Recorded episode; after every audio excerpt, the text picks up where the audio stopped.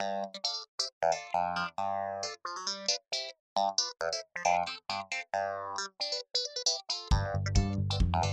you.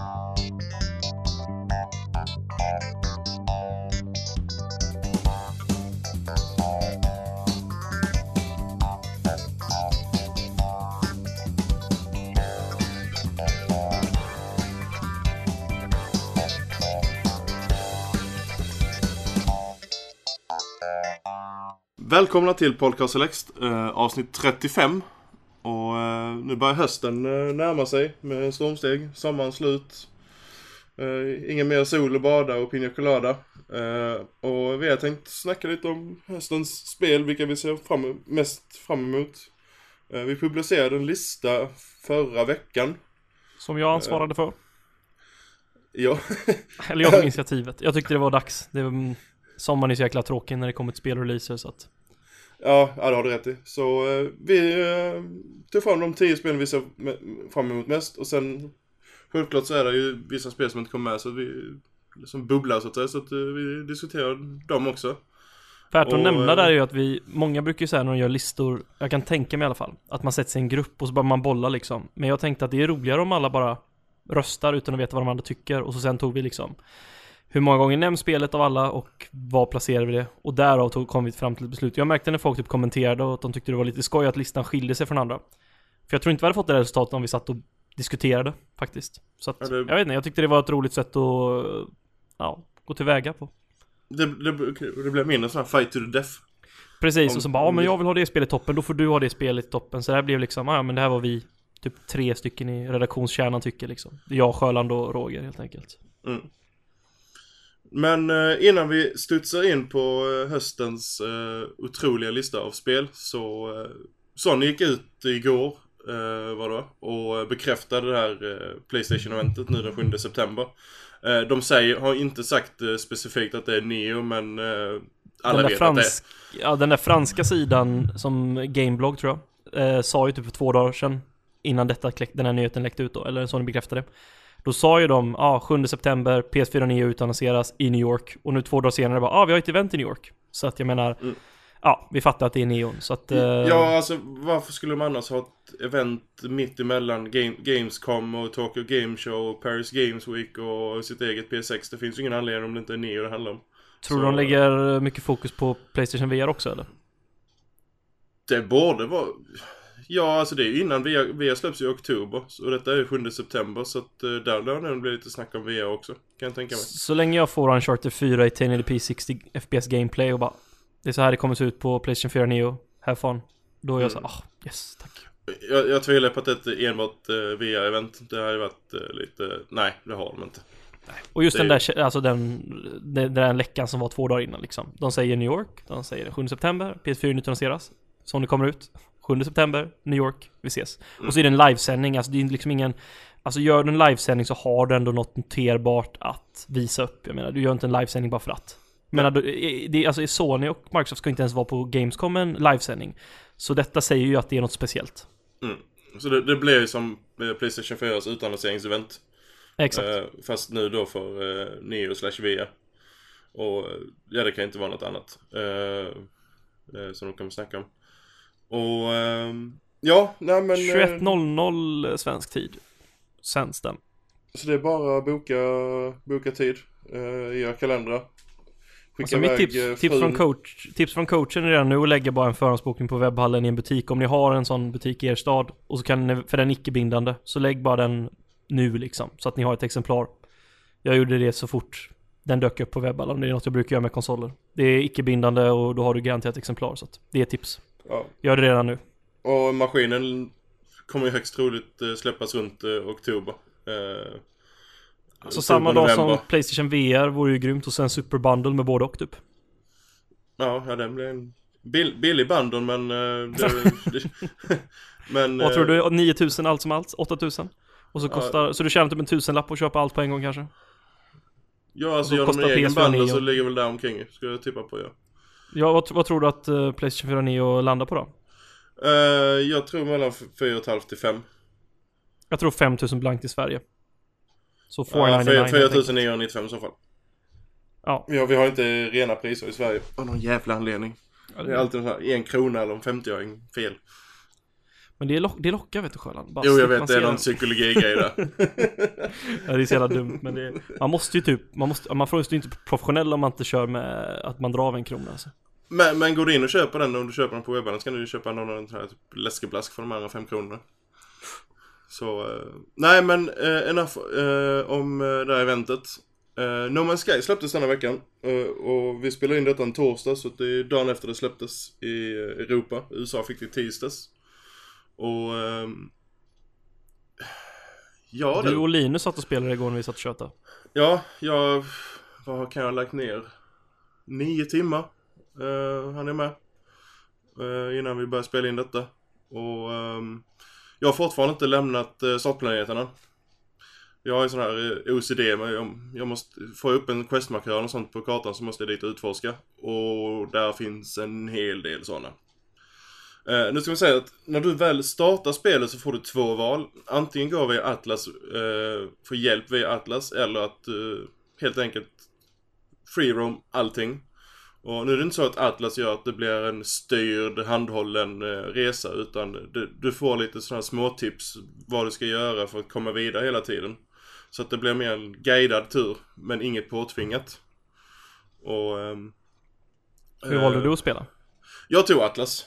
Eh, det, det är så pass stort eh, spel som... eh, det, det är så mycket mekanik och man ska lära sig allting. Så jag tänkte, kan lika väl ta Atlas för den här lilla, lilla guiden där i början. Och Någonting skulle- som jag märkte när jag satt och kollade på lite streams och så innan release, det var ju ett spel som, ja, det var, läckte ju i rätt många butiker så att folk kunde gå och köpa det innan eh, releasedatum och så. Hur som helst, då var någonting som jag tyckte på, uh, UI'n i spelet eh, är väldigt snarlik Destiny. Ja, speciellt option-menyn. Alltså när du går in och ska flytta runt eh, i ditt in- inventory managementen. eh, när du går in och ska skicka upp planeter, uh, option-inställningar för handkontroll och allt sånt. Det är rent taget från uh, hur Destiny använder det. Och jag älskar det. Ja, för det var någon som satt och livestreamade och så fort jag slog på den så tänkte jag bara va? Det här är ju Destiny? Eller vänta? Ah, okej. För att han var inne i typ i en sån meny som såg exakt ut, liksom rent designmässigt som den Destiny. Mm. Så de har väl lånat en del därifrån kan jag tänka mig. Ja, alltså jag tycker den, den funkar perfekt där. Eh, Det funkar blir- bra på konsol liksom. Ja, det tycker jag. Även om det, det var lite ovant när, Des, när Destiny kom för första början man skulle vänja sig vid det. För man har alltid varit van vid det här eh, eh, att du har en markör som du flyttar upp och ner eh, i rutor. Eh, I menyer och sånt. Eh, men den, de gick ifrån det att det blev mer en muspekare som snurrar runt. Och eh, jag, jag gillar det. Det funkar riktigt, riktigt bra. Eh, men det kan ju vara för att jag har lagt ner så pass mycket timmar med Destiny att jag är van vid det, det interfacet. Men det är inget svårt att lära sig för någon någon som inte har spelat Destiny och komma in i No Man's Sky. Det är väldigt intuitivt UI. Och det är väldigt cleant UI också. För när du springer runt på planeten så det enda du ser i ditt UI, du, du ser din hälsa, du ser din sköld. Eh, du ser eh, namnet på planeten, eh, temperaturen. Eh, och det är i princip that's it. Eh, och sen har du en liten minimap om inte jag minns fel, men jag tror inte det. Jag försöker tänka, det har varit alldeles för mycket spelande och för lite sömn. Eh, men det är väldigt klint i UI.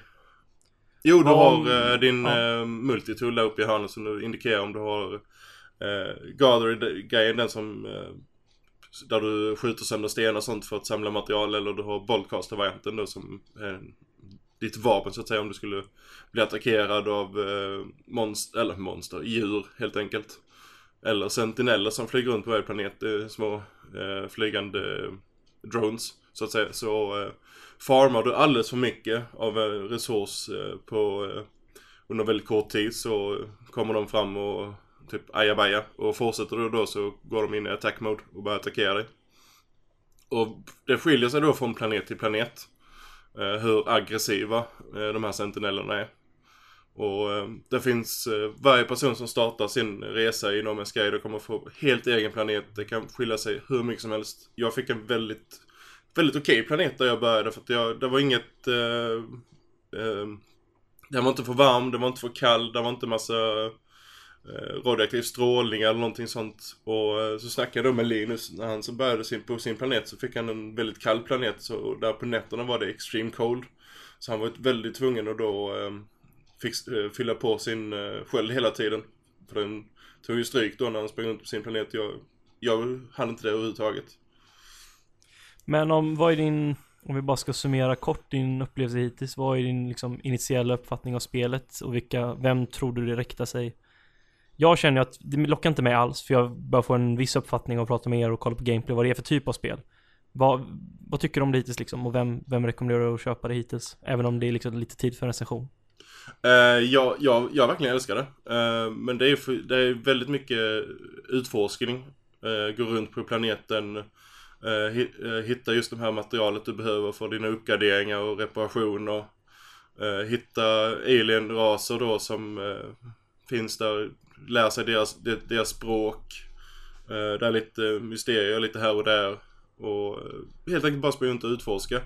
Som gillar liksom, om man kan om man kan uppskatta eller liksom leva med repetition i form av typ så här, som man kan hitta Division Destiny eller här och utforskning, då tror jag att det är ett spel som skulle kunna passa en. Jag, jag skulle säga att den har, man kan dra paralleller till Minecraft faktiskt. Uh, för det som Minecraft gör med att du springer runt och samlar material och fäller träd och uh, sen bygger du grejer, det har du också här. Så det, det, på så sätt så de, de, som gillar Minecraft kommer säkert kunna uppskatta detta på något sätt. Även om du inte har lika, alltså du kan inte bygga stora hus och bygga vad som helst så är det ändå vissa core mechanics från Minecraft som finns även här. Likadant det... då, någon annan som sa att som eh, jämförde med eh, Skyrim till exempel. Folk som bara gick in, gick in i Skyrim och eh, sen 300 timmar senare så har de fortfarande inte gjort så många storyuppdrag utan de har bara gått runt och utforskat och eh, alltså haft sin egen, eh, sitt eget narrativ så att säga. Sin egen upplevelse, vad de vill göra i världen och sånt den typen av folk. Alltså vill du ha mer styrd upplevelse så är No Man's Sky nog ingenting för dig. För det, är okay. inte, det är inte en massa cutscenes och uh, uh, gör det här, gå bort till den här NPCn, snacka med honom, gör fetch, springer bort och hämtar vissa grejer, sen gå tillbaka till honom, lämna sånt. Utan det är en, det är en helt egen single play upplevelse. Ska, uh, det är, det är väldigt mysigt. Eh, uh, mysiga, mysiga världar som uh, åker runt i och de är massiva. Uh, när du upptäcker sådana här uh, små beacons då som uh, kan scanna av planeten efter intressanta ställen och, och kolla. Får man upp en sån här liten questmarkör då så koll, för man musen över, eller styrkorset, eller din sån här, vad heter det? siktet så att säga. på den markören så ser du hur lång tid det tar att gå dit. Och det kan vara allt från en minut till eh, fyra timmar. Och gå. Fyra timmar realtid. Det är, det är rätt mycket alltså. Det är, det är rätt stort. Så det kräver att du har ditt skepp och flyga. Då kortas den i tiden ner till under en minut eller något. Men det, så det är, det är ett spel för hajkentusiaster med andra ord alltså.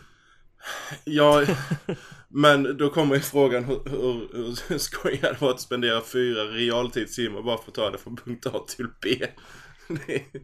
men eh, nej, men som sagt det, det är väldigt mycket att utforska. Eh, sen har du ju, det är bara en planet. Du startar ju ett eget solsystem. Så varje solsystem har ju då x antal planeter. Och sen finns det ju e, rätt många andra solsystem. Eh, så där finns mycket att göra. Jag hörde igår att du eh, döpte solsystemet till uh, playerselect.se och lite shameless plugging där. Jag var tvungen, uh, min första. sen Fick hitta du... några gill... få några till gillningar på Facebook kanske. Ja, sen, där, ja det kräver att någon ska hitta det här solsystemet också. Har de, räknat, har de sagt någonting hur stor chans det typ är att folk hittar just någon annan solsystem nu? Folk har ju redan gjort det. Det var ju två stycken som, som hittade varandra och de var på exakt samma plats på den planeten vid samma tillfälle men de såg inte varandra. Så där går, går lite sådana konspirationsteorier. Får man indikator då på typ att ah, du befinner dig på en planet Nej, de, annan... de hade två streams uppe precis bredvid varandra. Eh, så de såg var de var exakt hela tiden. Och de var på samma ställe. Uh, och så på, är det då lite konspirationsteorier då om uh, antingen då att uh, Sean Murray på Hello Games att han, de ljög rakt ut och sa att uh, de sa att man skulle kunna stöta på andra spelare men risken att det skulle ske var så pass minimal. Med tanke på att, vad är det, 18 kvadriljoner eh, planeter. Det är det, ja. Alltså säg, säg att hitta en nål i en höstack är väl att vara lite snäll. Eh, om man säger så. Och, hur, många, hur många kan, vad 18 triljoner sa du? Ja, Var det 18? Jag kommer inte ihåg exakt. Det, mer, det, är- För många helt enkelt. det är väldigt många nollor efter den där 18 i alla fall. Eh, och eh, har det Det blivit väldigt... ens, och det är typ kanske 1,8 miljoner som spelar på sin höjd. Eller inte riktigt så mycket va? Eller? Ja, jag vet inte hur mycket. Jag tror den har sålt väldigt, väldigt bra. Och nu, nu ska jag tänka att PC-versionen släpps ju, släpps ju nu imorgon, eh, fredag. Så, eh, men Men jag, de samarbetar inte med varandra va? Så där Ja. kan man inte hitta... ja, det tror jag inte. Nej. Men, men oavsett, även om du skulle ha hela Playstation 4 spelarbas på för, över 40 miljoner eh, skulle spela No Man's Sky så är ju inte risken varit väldigt stor att du skulle hitta någon annan eh, i, i den då. Och sen då, du kan ju alla de här eh, point of interest då som du upptäcker på planeten, eh, växter och djur kan du då döpa själv och ladda upp. Och när du laddar upp det så får du pengar för det som du kan köpa skepp och annat för. Mm, jag såg jag fick en fin screenshot för dig när du hade kallat. jag vet inte vad det var för djur du- jag döpte till dig. Eh, det såg väldigt, väldigt lustigt ut. Eh, sen har Han var många... jäkligt söt alltså, det måste jag säga. Ja, Om man bortser från de flygande ögonen. om man bortser från huvuddelen. Men han såg han såg ut som han hade så här strutsben och typ en klyven typ svans. Det låter jättehemskt nu men alltså. Alltså, för, för, ni, för ni som har spelat Spore kan nog Ja, tänka hur de här aliens kommer att se ut. Eller, Han var typ 'Please kill me cute' ungefär. ja. Där. Och Ja, I sen, can't breathe. och sen, sen har det blivit väldigt många djur som, eh, har, som har blivit döpta till Bob. Det är du som har döpt dem till Bob eller? Eller är det ett Ja. initiativ eller? Nej, det var, det var jag. Jag tänkte, Bob är ett trevligt namn. Så eh, det är en hel planet med bara Bobs. I olika, i olika former. Det här- Tycker jag de för av sig till vår eh, redaktionsmail om de hittar alla de här bobsen. ja. Skulle, skulle ni hitta eh, eh, det solsystemet eller planeten så ta en screenshot och skicka in. Eh, Då, då, då lovar vi att skicka ett spel till er, till valfri konsol. Ja, det, det ska vi göra. Vår, super, vår Man's Sky-tävling. Där, däremot så vet jag en eh, på min vännerlista som faktiskt är väldigt nära där jag har min startposition. Men Han- alltså vadå, så du kan sitta och kolla på alla er eller? Nej, han postade en screenshot från, eh, från eh, Orbit. Där han är. Mm. Och eh, jag kände igen eh, bakgrunden så att säga, för den var grönaktig. Eh, när du kommer in i ett solsystem så har den en viss eh, färg i bakgrunden, typ eh, röd och det är oftast väldigt heta planeter, blå och det kalla och så vidare. Och den hade grön, precis som jag har på min. Så jag messade honom och frågade för hans alien-ras var Corvax då som jag har på min. Och det, det var det. Och i och med att det är samma alien-ras också så eh, skulle jag tro att vi är väldigt nära varandra. Så Men- du kanske blir skyldig han ett valfritt spel alltså? Ja, han... Jag, han ber han att kolla upp det nu. Eh, jag startade en ny uh, sparfil eh, separat i morse. Bara för att se om man kan hitta någon annan trevlig planet. Och jag lyckades hamna på eh, samma ställe som, efter många om och men, eh, samma ställe som min första save-fil då. Eh, Så det kanske är bundet till ens Playstation-konto alltså? Nej, det, nej, nej, det är inte. Alltså det är helt random. Eh, det, jag tror det var 15 gången försök och sånt så hamnade jag där. Och Okej. där var också Corvax och planeten eh, också den här, har det här gröna i bakgrunden när man åker ut därifrån och det var väldigt, eh, väldigt snarlik eh, den planeten jag startade på. Men eh, bara för att det här är gröna i bakgrunden och samma alien-ras och innebär att det kan nog ta en bra utforskning för att hitta, hitta varandra. Men det är en eh, challenge accepted. Ja. Ja, nej, men det verkar ju trevligt om man gillar att utforska och hajka i fyra timmar i en virtuell värld ungefär. Ja, eh, om man inte tar skeppet så går det lite snabbare. Eh, Går, precis. Sen kan man ju, sen är det helt upp till en, alltså du, du kan ju, hur du vill spela spelet, antingen följer man den här Atlas-pafen då från eh, din startposition in till jo, jordens center, eh, universums eh, center då som är det ultimata målet.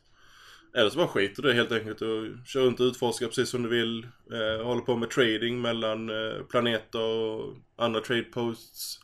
Åker runt som en pirat eh, ute i rymden och skjuter ner eh, andra. Så eh, det, är, det är så mycket man kan göra. Och, eh, ja, jag, jag skulle faktiskt rekommendera det. Att folk i alla fall tittar in och streamar och sånt så att de får lite mer uppfattning. Eh, för gillar man typ Minecraft och utforskning och sånt så är det nog värt att kolla upp. Skulle jag säga. Okej, okej. Men förväntar jag inte någon eh, sån här, eh, någon story. Cinematic story. experience. Nej, eller inte ens någon, någon varken cinematisk story eller någon alltså styrd story-grej med side missions och massa NPC och du på en rymdstation, alltså Mass Effect style. För det är det ju inte. Det är väl i så fall om du tar Mass Effect och sen tar du bort allt story-element. Det låter inte så attraktivt i mina öron, men okej. Nej, alltså det, no, men ska det är väldigt svårt att beskriva men... eh, Kolla en stream. Jag tror kolla en ja, stream är ja bästa. ko- kolla en stream och trailers, det blir nog eh, lättare faktiskt. Och testa hos en kompis om du kan. Ja, Eller vänta, kan, ö, ö, om du har en kompis som spelar då kan du väl eh, styra lite och känna på det va? ja Via du, ja, du har ju, share-funktionen. Du har ju SharePlay-funktionen och utnyttja den. Eh, så det är bara Ni kan lägga till Sjöland på play, eh, Nej, Playstation det- inte har en komp. Om vi inte har någon kompis. Ja, som, som jag tänkte säga som har No Man's Sky, men det kanske, om du inte har någon kompis får du jättegärna lägga till oss. Det, är Det lite, finns här för dig.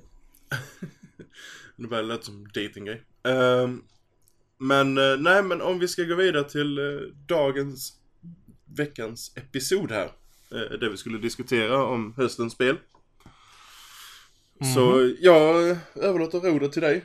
Så du får styra och ställa lite. För du hade Precis. koll på listan och hela baletten. Ja, så sitter jag bara här bredvid med min shotgun.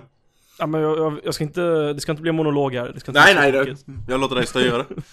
Ja, men hur som helst, vi pratade ju kort om det om listan i början och eh, vi röstade liksom ovetande om vad de andra skulle rösta på. Och eh, helt enkelt, vilka spel rankar du topp 1 till, eh, 10 till 1 då? Som de hetaste spelen i höst, som du då vill spela. Så att, eh, och sen slängde vi upp allting och så röstade vi fram och eh, längst ner på listan då så har vi ju Steep som visades upp på Ubisofts presskonferens i år. Och det var ju det här Mystical Game som de visar upp varje år.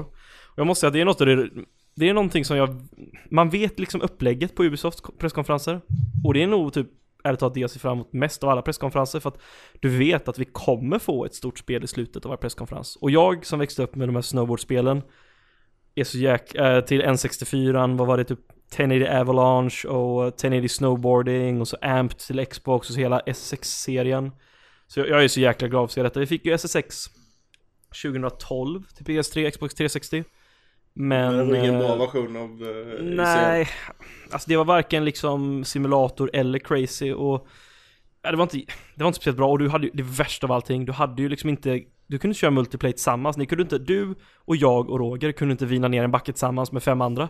Utan det la man till i en patch, typ fem månader efter release vill jag minnas.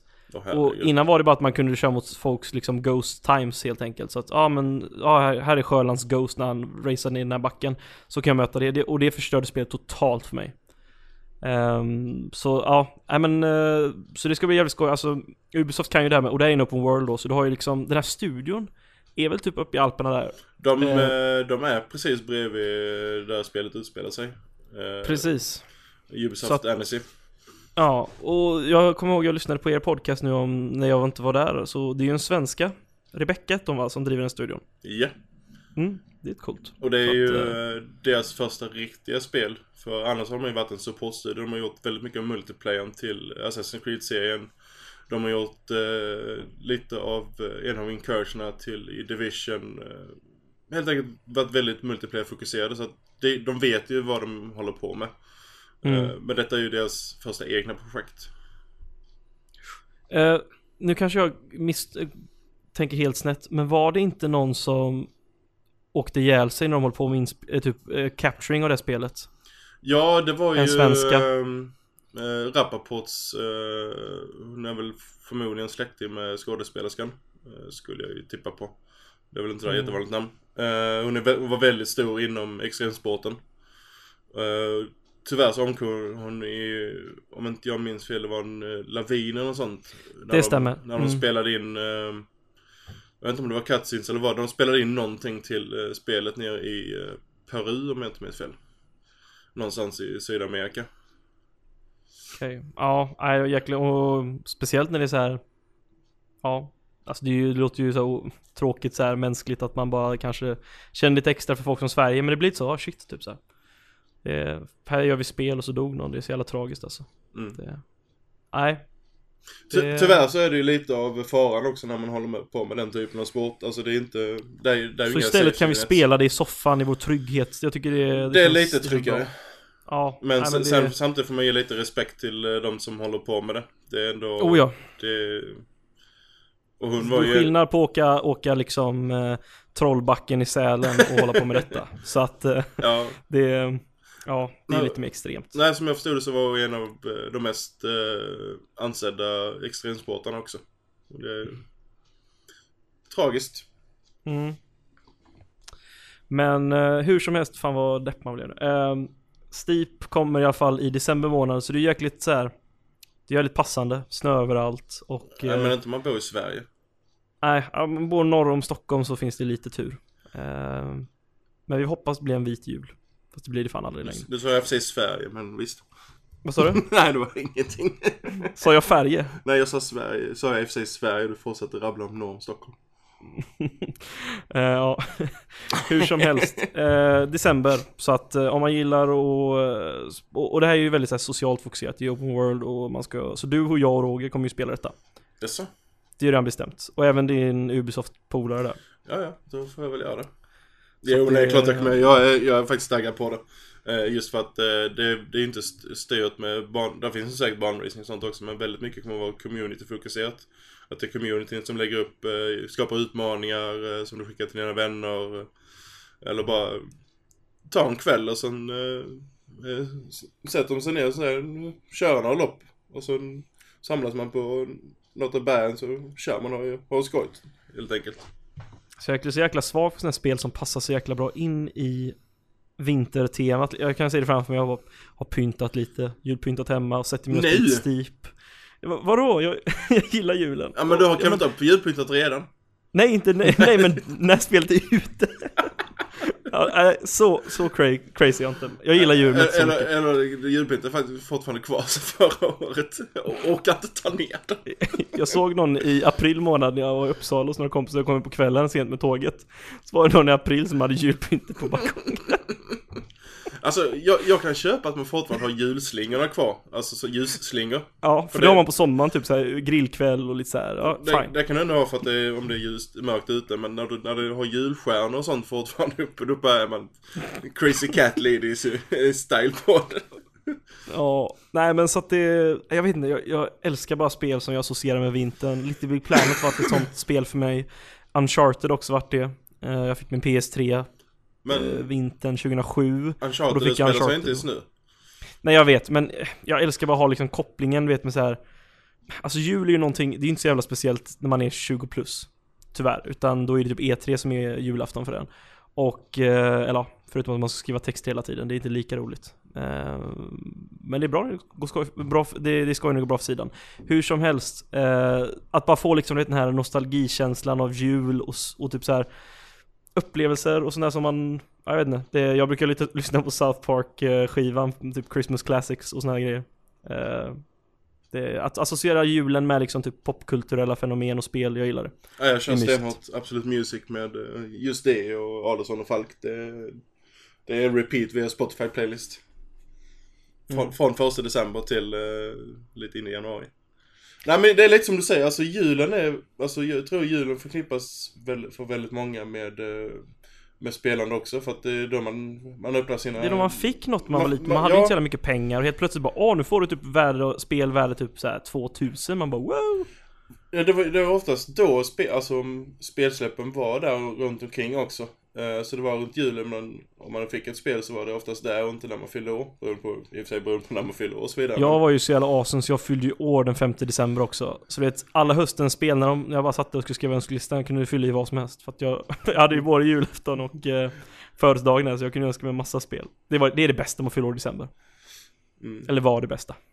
Nej men det är, alltså som sagt, det, sen är det där jul, eh, jullovet och si- sitta inne när det, när det är kallt ute. Varit- Sprungit runt i snön i halva dagen. Sen kommer in och fryser röven av sig och varm och boj och spela, spela spel med polare. Det, det är något.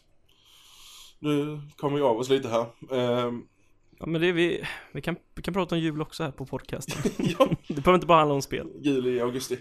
Ehm, Alltså jag, jag ser fram emot vintern. Jag är så jävla hemsk. Folk, folk blir ju galna när man typ ser fram emot hösten när det är sommar. Bara va? Tycker du det är skönt att det är mörkt på kvällen? ja, Ja, man- eller hur? det är väl klart för då är det inte en massa sol som är i vägen i tv-skärmen när man spelar. I like how you think. Men sen tycker jag också att det är skönt att man kan varva ner och somna på kvällen innan klockan 10-11. Ja, definitivt. Det, det, Nu alltså- är det lite bättre men alltså jag tycker inte det är skoj när det är typ eh, När det mörknar klockan 11.30 och ljusnar klockan 2.30 Nej, det, alltså det, det som när solen är som uppe som längst. Då, det, är, det är som värst på sommarna. Det går inte att sova. Det är ju som du säger ljus till 10-11 utan problem. Och jag klarar inte av det. Ja, Det, det blir att man vänder dygnet till alla norrlänningar alltså Ja, Men eh, nog om eh, Steep och jul eh, Nästa spel i vår lista, alltså det här, nu fortsätter nej det blir fan med en jul. Det här är Dead Rising 4 och det utspelar sig där första spelet utspelar sig. Och det är jul, jultema är det. Så att det, ja, ja. Ja, nice. Mer julspel. Så att eh, du ska springa runt som eh, Frank West då eh, Som han är i första spelet också. Och från vad vi har sett så är det liksom samma liksom crazy gameplay.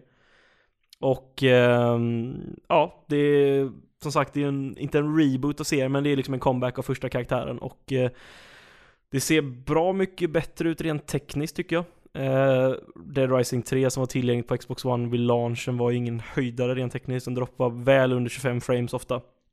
Och så tyckte jag inte det riktigt var ett jättebra spel i serien. Um, som sagt, helt okej launch title ändå. Eh, det slog vi ändå nack typ på PS4 kan jag tycka.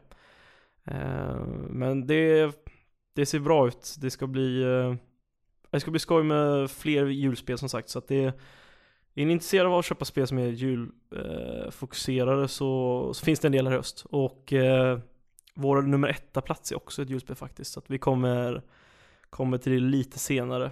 Eh, Men vi, vi går vidare här till eh, nummer åtta faktiskt. Sjöland var tvungen att dra sig lite så här. Så det blir faktiskt lite monolog nu. Och eh, Battlefield 1, det utannonserades ju i, jag vill säga, juli. De hade, EA hade i alla fall en, en uh, livesändning där de visade upp en trailer då och då använde de Seven Nation Army. Och det var faktiskt inte något man tänkte på för att uh, de hade remixat den så hårt så att det, det lät faktiskt helt okej. Och det, det är bragd att, att lyckas uh, göra en version på den låten utan att, utan att det känns eh, uttjatat helt enkelt. För att den används ju överallt i fotbollsvärlden och i, ja, vad du kan tänka dig. Så att det är, men det här är ju som sagt Senaste tiden har vi ju sett att alla shooters mer eller mindre går futuristiskt, alltså nu, nära framtid och nu med Call of Duty liksom ut i rymden. Ehm, um, Medan här så går man tillbaka till första världskriget. Nu så har man ju gått ut och sagt också väldigt tydligt att det här är liksom ingen det här är liksom ingen korrekt tolkning av källmaterialet, källmaterialet från första världskriget, utan man tar källmaterialet som en inspirationskälla. Ursäkta mig. Och, eh, och på så sätt skapa liksom något som ändå är kul, för jag menar hur kul är det att sitta i en skyttegrav typ i 20 minuter real time och sen gå upp där och kasta en granat och springa som en galning och bli skjuten. Så att jag, jag, många har ju reagerat lite på att det känns som att du tar liksom ett tidigare typ Battlefield-spel och bara reskinnar det men man måste ju samtidigt tänka på att det ska vara ett spel och det ska vara ett spel med polarna. Ja, alltså visst. Settingen är ju skoj, men det är som du säger. Att gameplay måste komma först. Oavsett. Ja. Det, kommer, det, det är så, men de vapnen de har valt, när man kollade den här vapentrailern och sånt. Det är ju inte... Du kan ju glömma att spela Battlefield där du har en sniper som ligger åtta mil bort och plockar folk efter folk. Så det kommer Ja. bli, bli lite mer närstridsaktigt. Eller medium range i alla fall. Och det kan vara trevligt för den serien. Som, som, som har varit synonymt med massa snipers. Lite skönt, eller vad säger jag, lite tråkigt rättare sagt att det är så mycket automatvapen eller semiautomatvapen. Eh, de har ju dock sagt som sagt att det är det är inte en exakt tolkning utan de, de bygger de här vapnen på olika prototyper och sånt där som kanske inte direkt satts i fält. Eh, och det, jag, jag tror då mycket att det är väldigt mycket konsolspel, spela Bat- Battlefield och ärligt talat Om du inte har en överdrivet auto-aim så kan det bli rätt frustrerande att köra rifle i när, närstrid. Så jag tror att det är ett, ett av, en av anledningarna helt enkelt till att man valt så pass många semiautomatiska och automatiska vapen i spelet. Återigen, gameplay för realism. Ja, ja precis. Det, det är det viktiga liksom. Så att, eh, men ja, det, det ser bra ut. Jag, jag måste säga att jag var ju mer pepp när jag såg trailern första gången. Eh, än när jag såg gameplayet. Jag vet inte, jag kanske förväntade mig att det skulle vara fundamentalt annorlunda men samtidigt ska ju inte vara det. För att då, då är det inte Battlefield längre. Riktigt. Ja, jag vet inte. Någonstans måste man ändå ta ett ställningstagande och säga att vi, vi, vi ska ändå göra ett nytt Battlefield-spel och inte ett helt annorlunda spel. Så vi får se, jag har inte spelat det men det är en öppen beta strax efter Gamescom va? Den borde, jag skulle tro att den eh, kommer, vi får, vi får det avsnitt under Gamescom så jag tror den är så fort Gamescom är slut så öppnar Slutet av augusti, början i september typ. Ja. Så det ska bli spännande att få testa på liksom. Och det men eh, var ju jag är ju uppväxt med Battlefield. De, de utannonserade inte i juli. Just saying. Ja, Det- Juli har varit efter E E3. Yes, yes. Och hu- hur som helst så... eh, hur som helst så... eh, nej men det är... För någon som växte upp med den här spelserien ska det bli jäkligt härligt att gå tillbaka lite. Jag saknar ju, även om vi blev, vi blev ju bombarderade liksom i början av 2000-talet med andra världskrigs temaspel. Eh, medans sen gick det i Modern Warfare under 360 PS3-generationen, nu är det futuristiskt. Men det ska bli så att man, man blir ju automatiskt trött på den epoken som, alltid, man, som man konstant matas med. Mm. Så det är härligt att se liksom att, att EA släpper det här spelet som är liksom baserat på källmaterial från över 100 år sedan. Det känns, det känns, 100 år lite, känns lite som att är det någon som skulle byt, bryta den här trenden så är det DICE. Jo men och de har ju också Titanfall nu och det, de ger ut båda två. För man får ju se det, alltså det är utgivaren som, Mm. det är de som liksom Och det är därför de vågar släppa det samtidigt för de känner ändå bara att ah, ja men det här är liksom två fundamentalt olika spel. Titanfall, du springer på väggar, springer runt i feta mex liksom. Det är mer åt Call of Duty-kidsen. Eh, mindre liksom storskalig taktik och mer liksom bara rapid fire och liksom bara gameplay to the top. Mm. Och ja, jag tycker det är skitskoj också men de har ju sina två olika publiker och just tematiskt så skiljer de sig så pass mycket. Mm. Så därför släpper man dem med bara en veckas eh, mellanrum. Mm. Jag, tycker, Det- jag tycker fortfarande ja. det är lite lustigt att ha det så även om det shooters. Det är men- lustigt men det är...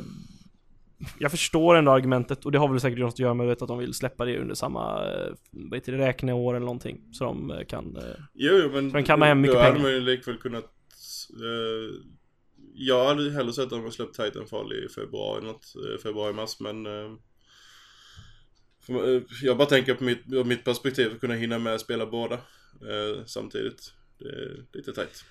Det blir svårt, alltså jag har ju, redan, jag har ju Overwatch som jag har spelat sedan maj månad och jag spelar det fortfarande. Eh, inte liksom dagligen och så men jag tar upp det ibland när polarna är inne och man vill köra en halvtimme, en timme liksom.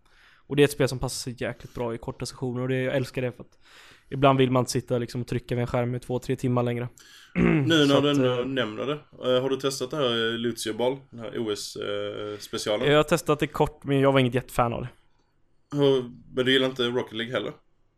Eller, Jag gillade Rocket League men jag tycker det var alldeles för mycket Alltså De hade ju, alltså det fanns ju ett spel till Playstation 3 som var typ likadant Och nu var det väl mest att man marknadsförde det och det släpptes till båda konsolerna samtidigt och PC men Eller vänta det kom till Xbox One senare, ja Mm. det gjorde det. Men att det är ute till alla i alla fall. Eh, Alltså jag tycker Rocket League är bra men jag fattar inte varför alla är så jäkla hypade. Och många säger så bara Åh det, det, är, det är typ fotboll för oss som inte gillar fotboll. Det, bara, det är liksom, det är ett sportspel ut och in, det är bara att du är en bil liksom. Det är, Alltså radiobilar är också sport, om du inte visste det. Jo, nej, för att, Så att eh, det- det här Lucio Ball är ju, de tar ju, det är ju en ren eh, clone på, eh, på Rocket League. Ja, ja Fast det är shameless clone Du alltså tar bort, du tar bort eh, bilarna och ersätter dem med då den här eh, Lucio. En brasiliansk fotbollsspelare Ja, Healon, eh, någonting. Jag, du- kollade hans skilllista och han verkar inte vara alldeles för intressant att spela i själva Overwatch. Han är skitrolig och han är typ den bästa spelaren att ha om du pushar kart Oh, Okej, Han är helt fantastisk kanske jag som missbedömt det. Jag vet inte, men du spelar inte Overwatch va? Eh, jag har kört eh, några timmar men jag, det var så mycket annat som eh, tog, eh, tog mitt fokus istället. Okej Ja nej men det är så att det, är- det är problematiskt i höst du har så jäkla många multiplayer-spel Mm. Du har Overwatch, du har Titanfall, du har Battlefield, du har Call of Duty Nu, nu kommer man ju liksom inte Nu har man ju troligtvis inte intresset för alla Men jag har intresset för alla förutom Call of Duty Och då är frågan så här, hmm Hur ska jag hinna med detta? Och alla andra spel? Det, det är som sagt, det är en bra fråga alltså. För att troligtvis har jag kanske trö- slutat tröttna på ett av spelen om det hade gått sex månader eller fyra månader mellan två år och releaserna Mm. men nu har det inte gjort, eller Overwatch har gjort det, men jag tycker Overwatch är ett så pass bra spel och det sa jag redan i min recension så att och, och det stämmer, jag, jag spelar det fortfarande. Jag tycker att core gameplayet är så pass intressant och roligt och engagerande så att det, det har hållit mig kvar liksom. Det, det blev ju det att man får testa både Titanfall och, eh, och Battlefield då, så får man ju se vilket eh, man gillar me- mest av dem helt enkelt. Och sen eh, vad dina polare spelar. För det, spe, spela den typen av spel själv är inte... Det går ju men det... Ingenting slår Inte ju, inget slår ett uh, pre-made, eh, pre-made grupp eh, med 4-5 polare. Sitta där Nej. en kväll och la- laddat upp med lite dricka och snacks och uh, snacka lite skit och spela. Det, det är den typen av gaming som är det absolut bästa. Oavsett spel du spelar. Ja. Men, eh, ja som sagt, och vi kommer in på Titanfall här och det är ju vårt sjunde spel på listan då. Så att eh, bara för att summera så, Steep nummer 10, för er som inte har läst listan. Dead Rising nummer 9. Battlefield 1 nummer 8. Och så då Titanfall 2 nummer 7. Och vi kan väl gå vidare för vi snackade ju om Titanfall nyss. Mm, det- det enda som Eh, kommer ju ut skiljer- till PS4 också. Det enda som skiljer Titanfall 2 då från ettan är att nu får man en single player-kampanj. Och en enterhake. Ja visst, ja det är den också ja. Och sen lite nya Som mex. så många gillar att ha i sina spel idag. Men det var ju många som saknade en uh, single player-kampanj i ettan men eh, nu får vi både och. Jag är inte intresserad av fem öre, jag tror inte den kommer bli bra, men det är skoj att de lägger till det. Nej men det är en annan checkbox. Ja, jo precis. Det, Jag tror den kan nu i så fall funka mer som en tutorial, att du kör igenom den så får, grepp, får du mer, mer, blir mer insatt i de olika mexen och annat. Alltså även om inte du tänker på det utan det sker undermedvetet. Att du får lite mer eh, koll på eh, spelsystem och annat. Jag måste också säga att hela den här grejen med att folk inte köper spel om det inte finns en single player-kampanj. Jag, alltså... De flesta köper ju, alltså en stor majoritet köper ju Titanfall, Battlefield, Call of Duty för multiplayern. Det är ju inget snack om. Och att då argumentera bara att ah, men jag tänker inte köpa detta för det finns ingen single player-kampanj. Det är liksom, du kommer ju typ spela det spelet 50 timmar och du betalade typ 500 spänn. Ja, Det är ju hur bra som helst. Det finns spel som kostar 600 spänn och du spelar i 6 timmar. Om det är liksom så du värderar din tid. För det är oftast det argument man hör och bara Åh, finns det ingen, jag får ju liksom inte värde för pengarna men men är, syftet med spel är att man skulle underhålla sig en viss tid och får du, blir du underhålld i 50 timmar och till och med kanske mina kompisar så det blir socialt också. Hur kan du då motargumentera att det inte är värt Nej nej 600 men spänn? sen samtidigt finns det ju många som, som, inte, som inte har någon intresse eller gillar multiplayer överhuvudtaget. Då, men då, då, men då är frågan, ska man ens kolla på de spelen? För att ärligt talat, jag, jag, jag, jag är uppvuxen med Battlefield, men Battlefield-kampanjen är inget vidare. Det är bara Bad Company 2 som hade en rekorderlig kampanj. Jag skulle säga det enda FPSen av eh, Battlefield och Call of Duty så är det, så är det den som haft en riktigt bra single player kampanj för den var... Jag tycker Call of Duty, jag tycker gamla Ja Call okej, of Modern Duty-spelen- Warfare 1 och 2 hade väl eh, helt okej och första Call of Duty Ops. 2 också, men jag tycker de nya Call of Duty har tappat en del och alltså jag vet, inte- jag vet inte om jag ska säga att de är bra eller dåliga, men de är bara 6 timmar långa och det är väldigt svårt att lägga ner de pengarna om det är fullprisspel. Ja, ja alltså, ska, gillar du bara single player upplevelser så är det svårt att... eh, 200-300 spänn, då kan på jag det. liksom Ja, och jag menar Ghost hade väl en rätt horribel kampanj, jag har inte spelat de andra ja, efteråt jag tyckte den var helt, helt okej. Den var inte... Alla grät ju när hunden blev skadad alltså. Ja... Jesus. Eh, The Fims wishes away. ja, Fish AI. ja, nej, det, det var inte uppe i... Um, ja, jag Modern Warfare 1 och 2-klass. Jag, men det är för att jag har soft spot för uh, Price, britten. Han är, han är Men, eh, Han var också med i Call of Duty 2. Men det otroligt uh, snygga skägget och... Uh, Sideburnsen alltså, ja, leka med. det, det är väldigt mycket sån här uh, le, Lemmy från uh, Motorhead. Eh, Nummer 6 på listan. Ja, Gears of War 4.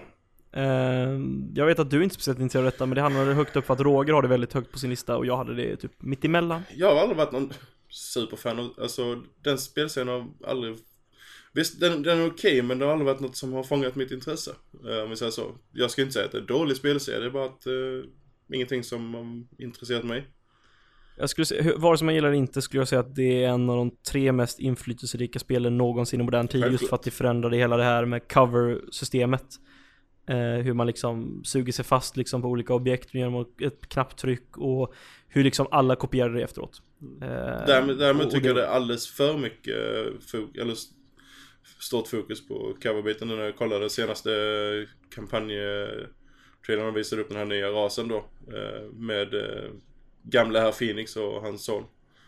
Eh, men det, det kanske bara jag. Eh, jag Alltså det är ju det där pop and lock liksom att man så här slänger, alltså om man sätter multiplayer-match i Gears då handlar det inte om att ligga mot en vägg och taktiskt panga på fienden utan det är ju liksom Du studsar ju fram liksom tut, tut, tut, tut, tut. Och det är ju det här liksom, det är väldigt att du är Det är en väldigt hög precision i det hela liksom Att det är mer att man studsar fram liksom Att det man ska springa och så slänga Och jag vet inte, jag är inget jättefan av det heller Eh, Jag gillar typ, när det kommer till third person shooters, när man ska panga, då gillar jag Max Payne mer faktiskt.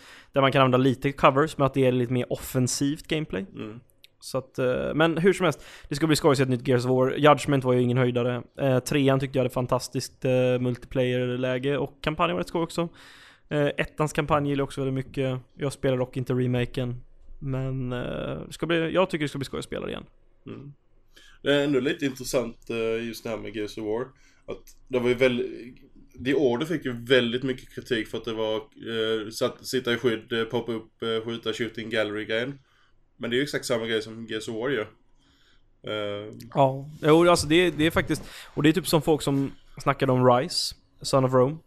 Eh, tyckte att gameplayet var trist, men ärligt talat, jag tycker inte det är jättelångt ifrån vad Batman-spelen är. nej. Eh, det är alltså, det som förstörde flytet i Rise Son of Rome, det var att du hade väldigt mycket finishing animations, vilket fick det att upplevas som att det var typ mer scripted eller mer liksom grounded på något sätt. Men jag tror att gameplayet är typ väldigt likt. Men helt, eh, och nu tycker jag det finns en hel del som ifrågasätter batman gameplay tycker det är lite tråkigt och tried and true, men i början typ under Arkham Knight-tiden, eller inte Arkham Knight, vad heter det? Arkham, Eh, Andra spelserien, City. City.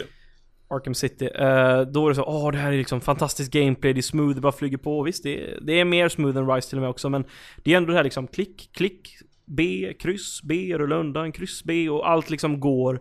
Är du inte helt värdelös så går det liksom per automatik. Och jag tycker det är lite farligt att här, säga att ah, men det här är dåligt och det här är bra.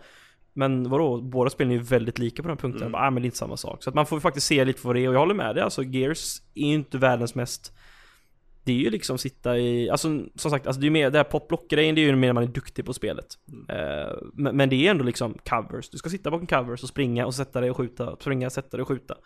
Och jag tycker det, det blir lite unfair, jag tror folk kollar på typ titeln många gånger och känner ja ah, men det här är Gears of War så vi kan inte liksom kritisera riktigt för det för att Gears of War är Gears of Ja, men War. det är det jag tycker är lite, lite irriterande när man kritiserar The Order och andra spel eh, för, och sen hyllar Gears of War för, för samma spelmekanik. Det tycker det är lite... Jag skulle inte säga att de är samma men jag håller med Nej men de är snarlikt. väldigt, väldigt snarlika. Sen, sen gör ju Gears of War det riktigt, riktigt alltså eh, Precis som eh, Rocksteady har gjort med Bat Batmans kontrollschema och combaten där, den är ju flawless. Den är ju felfri.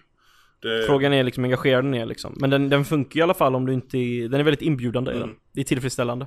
Den är, ja, det är någonting som, eh, där vi ser ju nu om och om igen folk som, eh, eller utvecklare som eh, kopierar Batmans fighting. Vi såg det i Max Payne nu senast. Och jag menar, Max Payne? ja. Mad Max? Mad Max, Max Payne. ja, det, det, är mycket, det har blivit alldeles för mycket resor utomlands nu i rymden. Um, men, ehm, nej det är... Um, Alltså visst, jag kommer, jag kommer testa Gears of War. Det, för det, är, det är ändå Gears of War, men... Jag hade inte med den på min lista för att jag, det var andra spel jag tyckte som eh, triggade mig mer. Nu går vi faktiskt till det spelet. Eh, det kom dock på en femte placering för att jag hade det lågt ner på min lista och Roger nämnde det inte. Men du är ju Varför jag inte jättesugen på Watch... det gäller VOG. Du är jättesugen på Watch Dogs 2. Ja, ja, självklart. Jag är intresserad. Eh, jag hoppas att det blir påtagligt bättre. Och jag tror att det kommer bli det. Men jag är inte så här. Fingers crossed från mitt håll. För jag gillar konceptet. Vad... eh, Ja. Du som är ett stort fan av serien slash konceptet. Vad, vad, vad, vad tror du liksom om... Det, alltså, det, det som jag... eh, Om jag bara får säga mitt, det som inte jivar med mig helt och hållet. Som, jag vet att Roger också påpekar på detta att du inte tyckte det var ett problem, men det är att stämningen är mycket mer lättsam här nu. Det är lite mer urban lifestyle liksom, den jag memes inga, och den skämt och sånt där. problem. Och det har jag inga problem heller. Eh, Deadsec. Och, eh, och då de springer runt och hackar och sånt där, det är liksom, ja men det funkar, men jag förstår liksom vilken typ av eh, stämning de går efter. Men sen när han drar upp liksom en k-pist och bara, nu ska jag slakta 10 pers, jag menar, även om det är liksom kriminella så är det något som bara det bryter lite där för mig. Och jag förstår att de måste checka alla boxes. Ja men det här måste tilltala de som spelar GTA 5. Det här måste tilltala de som vill bara hacka. Men för mig så, för, från jag har sett gameplay, så fort du bara rycker upp den här kåpsten och bara mejar ner folk, då känner jag bara mm. Sen kan du spela som du vill i de flesta situationerna. Det kunde man i det förra. Men jag vet inte, jag tycker att det Det är inte riktigt vad Watch Dogs gör bra och gör intressant så att Det var ja, jag liksom som, som sagt, jag, jag, jag, jag ser, ser, ser inte den kritiken mot eh, att han inte, eh, att det skulle ta ifrån, eh, det, alltså från spelet att du går över, eh, som Roger sa då att eh, han är ju cold-blooded killer och mördare men han är en hacker då. Jag, personligen ser jag inte problemet där men eh, visst, jag, samtidigt kan jag få se hur han tänker. Men, Det kanske finns med kinkiga, jag vet inte. Eller att man ska hålla en tematisk tråd. Alltså egentligen så kanske det är så att du bara behöver döda tre pers i spelet. men, sen- och men så sen, samt, de sen kanske samtidigt vet inte hans backstory. Nej, men han kändes mycket mer såhär lättsam och bara typ har en, har en axel, axelväska och han är lite urban och sitter och pillar på sin iPhone och han är jäkligt, uh, han håller på med liksom, vad heter det? Eh, döda folk med sin, vad är det, golf, inte golfboll, biljardboll i snöret Mm. och eh, är väldigt så här uh, håller på med parkour liksom så att han, han verkar ju vara liksom en sån här lättsam och rolig karaktär, Mm. får jag känslan av. Ja, det. Och det var väl lite där det inte jajvar för mig helt och hållet med när våldet kom in liksom. Men som sagt, alltså du kanske kan, du kanske kan eh, spela det helt liksom uh, pacifistiskt eller utan att döda folk och så kanske du bara måste döda två stycken jättehemska människor och då kommer det inte påverka mig. Men för mig så känner jag att jag vill ha liksom en tematisk, uh, tematisk eh, röd linje liksom. Mm. Så att det, ja, det är mina two coins. Ja, nej nej som sagt det, det, det är ju lite annorlunda nu. Det, som du säger, det är lite, lite känns som det är lite mer lättsamt eh, annat fokus i Watch Dogs 2. Eh, just, Jag tycker det passar just i och med att den här, hela det här DedSec-kollektivet och sånt. Det, det blir lite intressant den, den här vigilanten i Eden Pierce. Eh, även om det, jag tyckte det funkade där så är detta ett annat fokus där. Alltså i den Pierce, det var ju ändå rätt, de försökte få det till en mörk liksom berättelse och sådär, och det var ju rätt mörkt liksom. Ehm, och Pierce var inte helt jäkla normal i pannbenet. Men, vad heter det, jag tycker det är lite roligt, man såg ju typ jättemånga memes på, eller den här memen på nätet bara 'Hello there fellow kids' om du har sett den? Mm. Hur man liksom går för det stenhårda till att typ hålla på med memes. Det var, som sagt, det är man gör ju åtlöje av det hela men det är lite intressant nu hur man har gått tematiskt från något som skulle vara liksom att eh, var, det var inte hans son som dog utan det var hans systers son var det va? Hans systerson och bland annat. Ja och så skulle han revenge liksom och det blir så här liksom Jag vet inte om det var systerson eller systerdotter. Det var något, eh, det var hans systers eh, barn i alla fall. Ja och så, och så sa jag liksom logiskt i slutet bara Wait, du dödade typ 2000 personer den här resan, hur många barn är inte pappa, pappalösa nu tänkte jag. Men Jo, jag vet, det är inte så man ska tänka. Samtidigt kan man men- inte tänka, alltså jag, jag bestör mig när folk drar upp den här grejen. Men hur många bad guys eh, barn, jo men de har ju ändå valt en path i livet att eh, gå den här kriminella vägen. Det känns lite som att då Sant. har de tappat eh, den här sympatinivån på, som vad en normal oskyldig person hade fått. Jag tror bara att alltså, det inte fanns en riktigt r- jättebra röd tråd i det spelet när det kom till det emotionella liksom att det fanns ju en minispoiler typ du ska skjuta ihjäl en massa folk och så blir den här din, vad heter det, systers son den andra systersonen va? Eller vad det är, blir rädd för det typ så här. Och så blir det så här, wow typ, vad håller jag på med? Men sen så fortsätter det ändå som att man acknowledger och så fortsätter det och det är väl lite sådana små saker som jag tror folk reagerar på nu när man går över till något mer lättsamt men Mm.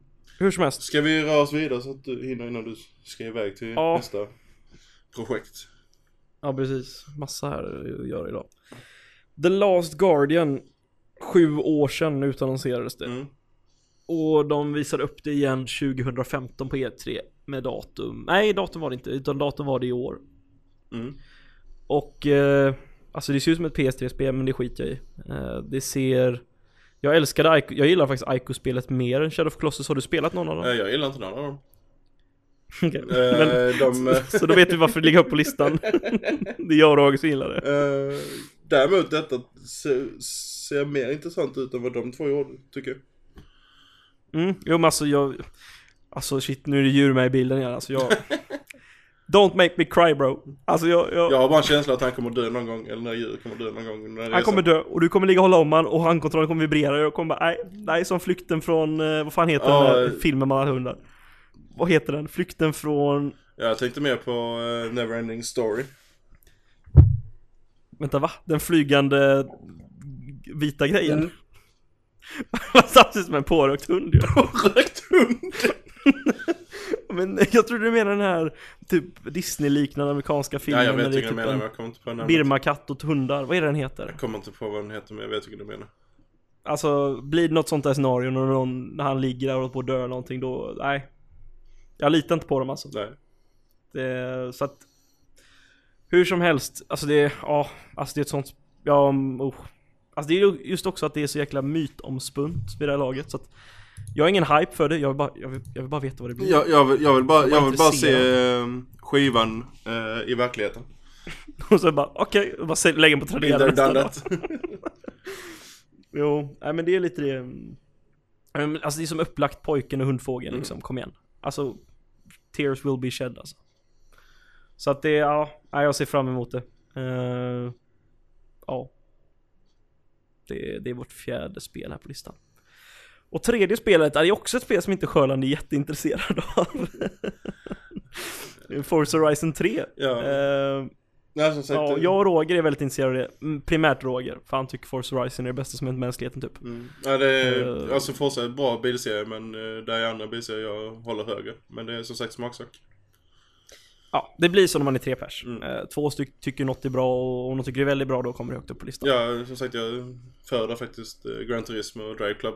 Eh, och Ridge Racer, Need for Speed-hållet. Men eh, så det är alltså det är, mm, Alla gillar inte allt så att... Nej, alltså jag skulle säga att Forza Horizon-serien är typ spelen för dig som gillar Open World och inte gillar bilar jättemycket men gillar det sociala med att spela med kompisar. mm.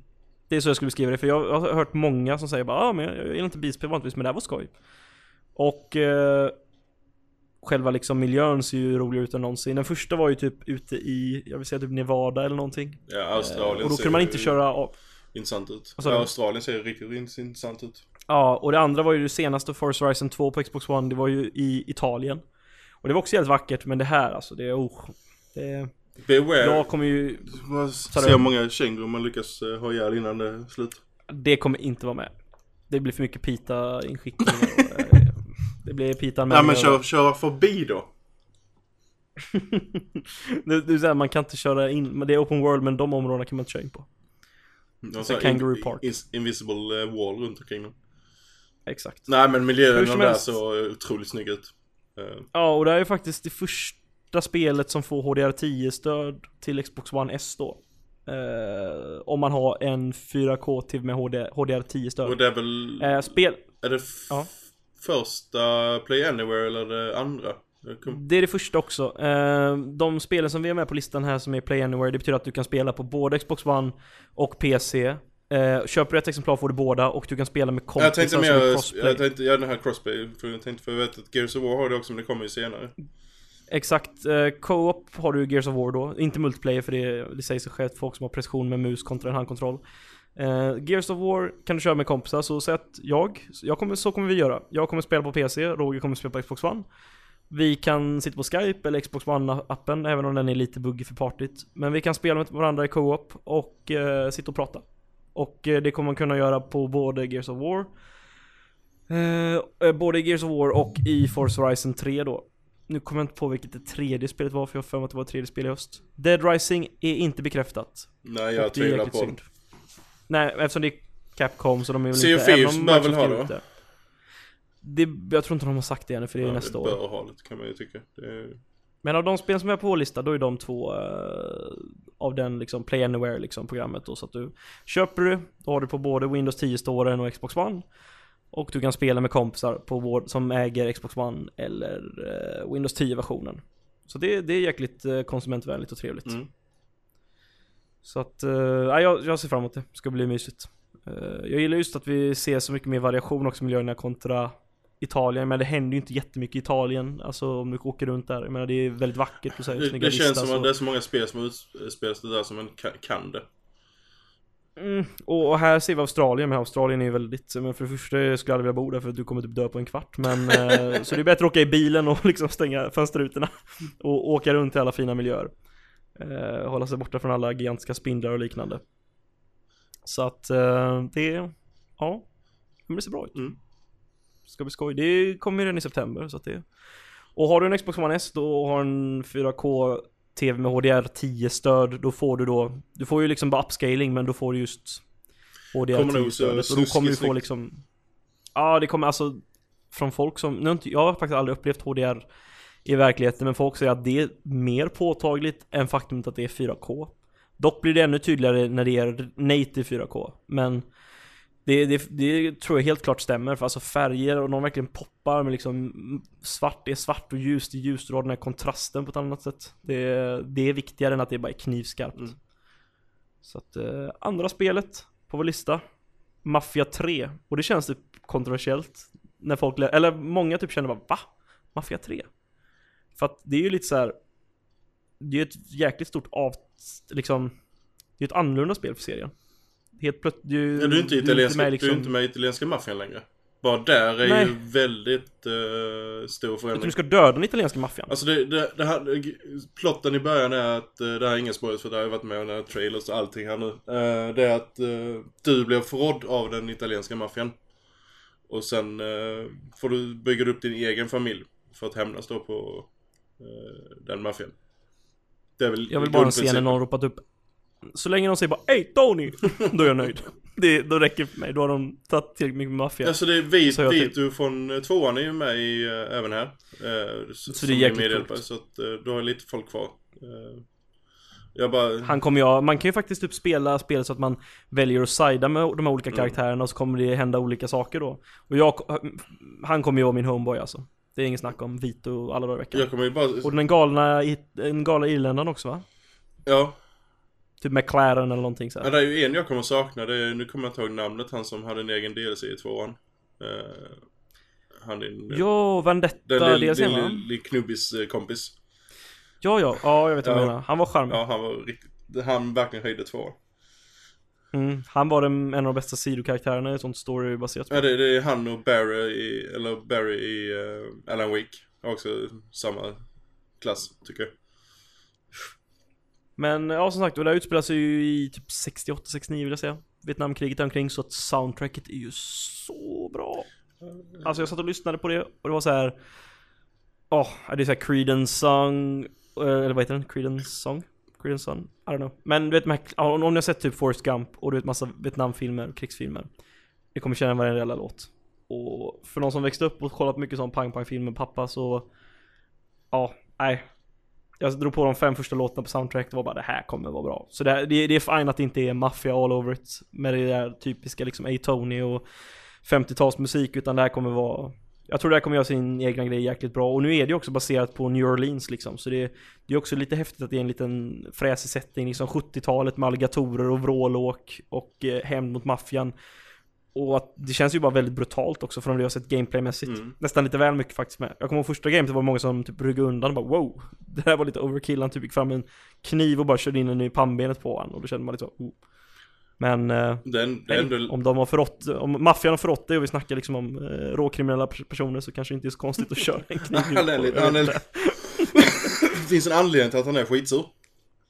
Ja, och han är ju liksom en för detta mari, eller marinesoldat. Ja, ja, så det är, han vet ju hur man Så han kan, han kan ju sina grejer och han kan ju vara Han kommer ju hem också. direkt från eh, Vietnamkriget så att... eh, Ja. Men Och, eh, eh, årets, en av årets höjdpunkter eh, är ju definitivt den som hamnar på, inte så konstigt, på första platsen. Eh, South Parks. fra- Nej, nej, nu tänkte jag säga Stick och ja, du var på det. Fra- Fractured But Whole. Eh. Som är den bästa, alltså för någon som kan South Park lore När de skulle släppa sin långfilm Så ville de döpa den till något som Paramore, eller Paramount menar jag. Paramore är ett band. Eh, Paramount Studios, eller vad de heter, Paramount någonting. Eh, De sa bara, nej vi kan ta den här titeln, den är för obskyr. Och då döpte de till eh, Bigger, Longer and Uncut och eh, om man tänker på det manliga könet så förstår man vad de syftar på. och den kom förbi pressen och marknadsföringen och så bara, vad fan, ni lurar oss. så de har, de har en historia av att liksom försöka lägga in lite barnsliga titlar i så här i texten utan att det tänks på, nu, det här är rätt obvious dock. Men, ja, eh, den, den här är lite ja. mer obvious. Eh, ja det, det är typiskt South Park. Jag älskar South Park, jag är uppvuxen med South Park och eh, det är jävligt dumt och eh, jag, jag tyckte Stick of Truth var helt klart det bästa licensierade spelet jag någonsin spelat. ja, det, ja det, det är den tillsammans med uh, Arkham Serien, ska jag säga. Det är de Ja. enda som verkligen har lyckats. eh. och nu istället då, detta, detta utspelar sig, jag tror det är dagen efter eh, första, eh, Exakt. första spelet. Så... ehm, De skämtar ju i trailern typ bara We're not playing this anymore! eh, du, New game! du är fortfarande den här eh, New Kid, eh, som du var i, eh, första, i Stick of Truth. Eh, Men nu spelar de, eh, nu är det superhjältar istället. Och nu ska de eh, bygga upp en, göra ett superhjälte-franchise då för att och göra massa filmer och tjäna miljarders pengar. Och så Precis, och så det... delar de upp sig i två fält liksom. Så mitt, har de en, Cartman har ett jätteschema om när de ska göra vilken film och vem som är med och så blir det lite interna strider där för någon som inte tycker att han får, får tillräckligt mycket kärlek så helt plötsligt blir det en sån här civil war mellan dem. Eh, och det är också en liten hint till Marvel med eh, sin civil war. Eh, Avengers. Nej, det är game, gameplayet har de verkligen förfinat. När man kollar stridssystemet är helt annorlunda. Det är lite mer eh, Final Fantasy Tactics över det nu. Att du, du har ett schackbräd, det blir ett schackbräd av det, att du flyttar dig i, i sidled upp och ner. Så beroende på var du är pos- positionerad så kan du få combo-attacker och annat. Så det, det ska bli väldigt, väldigt intressant att spela. Ja, nej, alltså det är, och som sagt det här är det tredje jag, jag kallar det ändå ett vinterspel rent tematiskt för att South Park-serien har alltid haft snö i bakgrunden och Jag vet inte, det, det kommer släppas i slutet, de kör ju 10 avsnitt nu Ja, 10 avsnitt på hösten eh, Varje South Park-säsong Och vad jag förstår så kommer efter sista avsnittet visas någon gång i november Veckan efter då släpps spelet och det var tanken att Stick of Truth också skulle ha den typen av releaseupplägg men det blev försenat till våren Ehm, och de typ skämtade om typ om Stick of Truth att de skulle förhandsboka spelet i den, det var ju den här hela Ja. PS4 Xbox One grejen Ja, det är hela den tri- trilogin med uh, Console War. Precis, och det var Ja, och då var de ju uppklädda som de var i spelet, så nu får vi ju, vi kan förvänta oss en trilogi med de sista tre avsnitten Där de leker superhjältar Mm. Om kanske med hela sången, det tror jag inte, men de tre sista i alla fall Så just den övertrampet, om man ser serien som jag gör så kommer det bli häftigt att spela Eller se, se serien i ett, två, tre avsnitt Och sen får vi spelet Mm. Så det, det ska bli jäkligt coolt Och som sagt, det är ju december igen så för mig blir det ett, det ett vinterspel också Mm. Det var... Men du, nu måste jag gå för jag har ett styrelsemöte om två Ja, minuter men eh, det var vår lista. Vi, vi har chans att återkomma till uh, mer av höstens spel uh, framöver när de börjar närma sig och snacka om dem.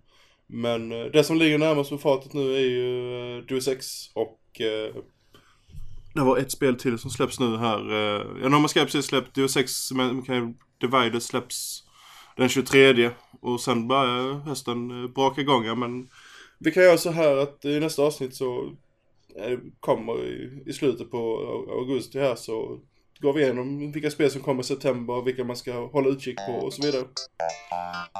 Så, Det låter bra. Så eh, fram till nästa avsnitt så får ni ha det så skönt och eh, vi hörs. Ciao! Hej då!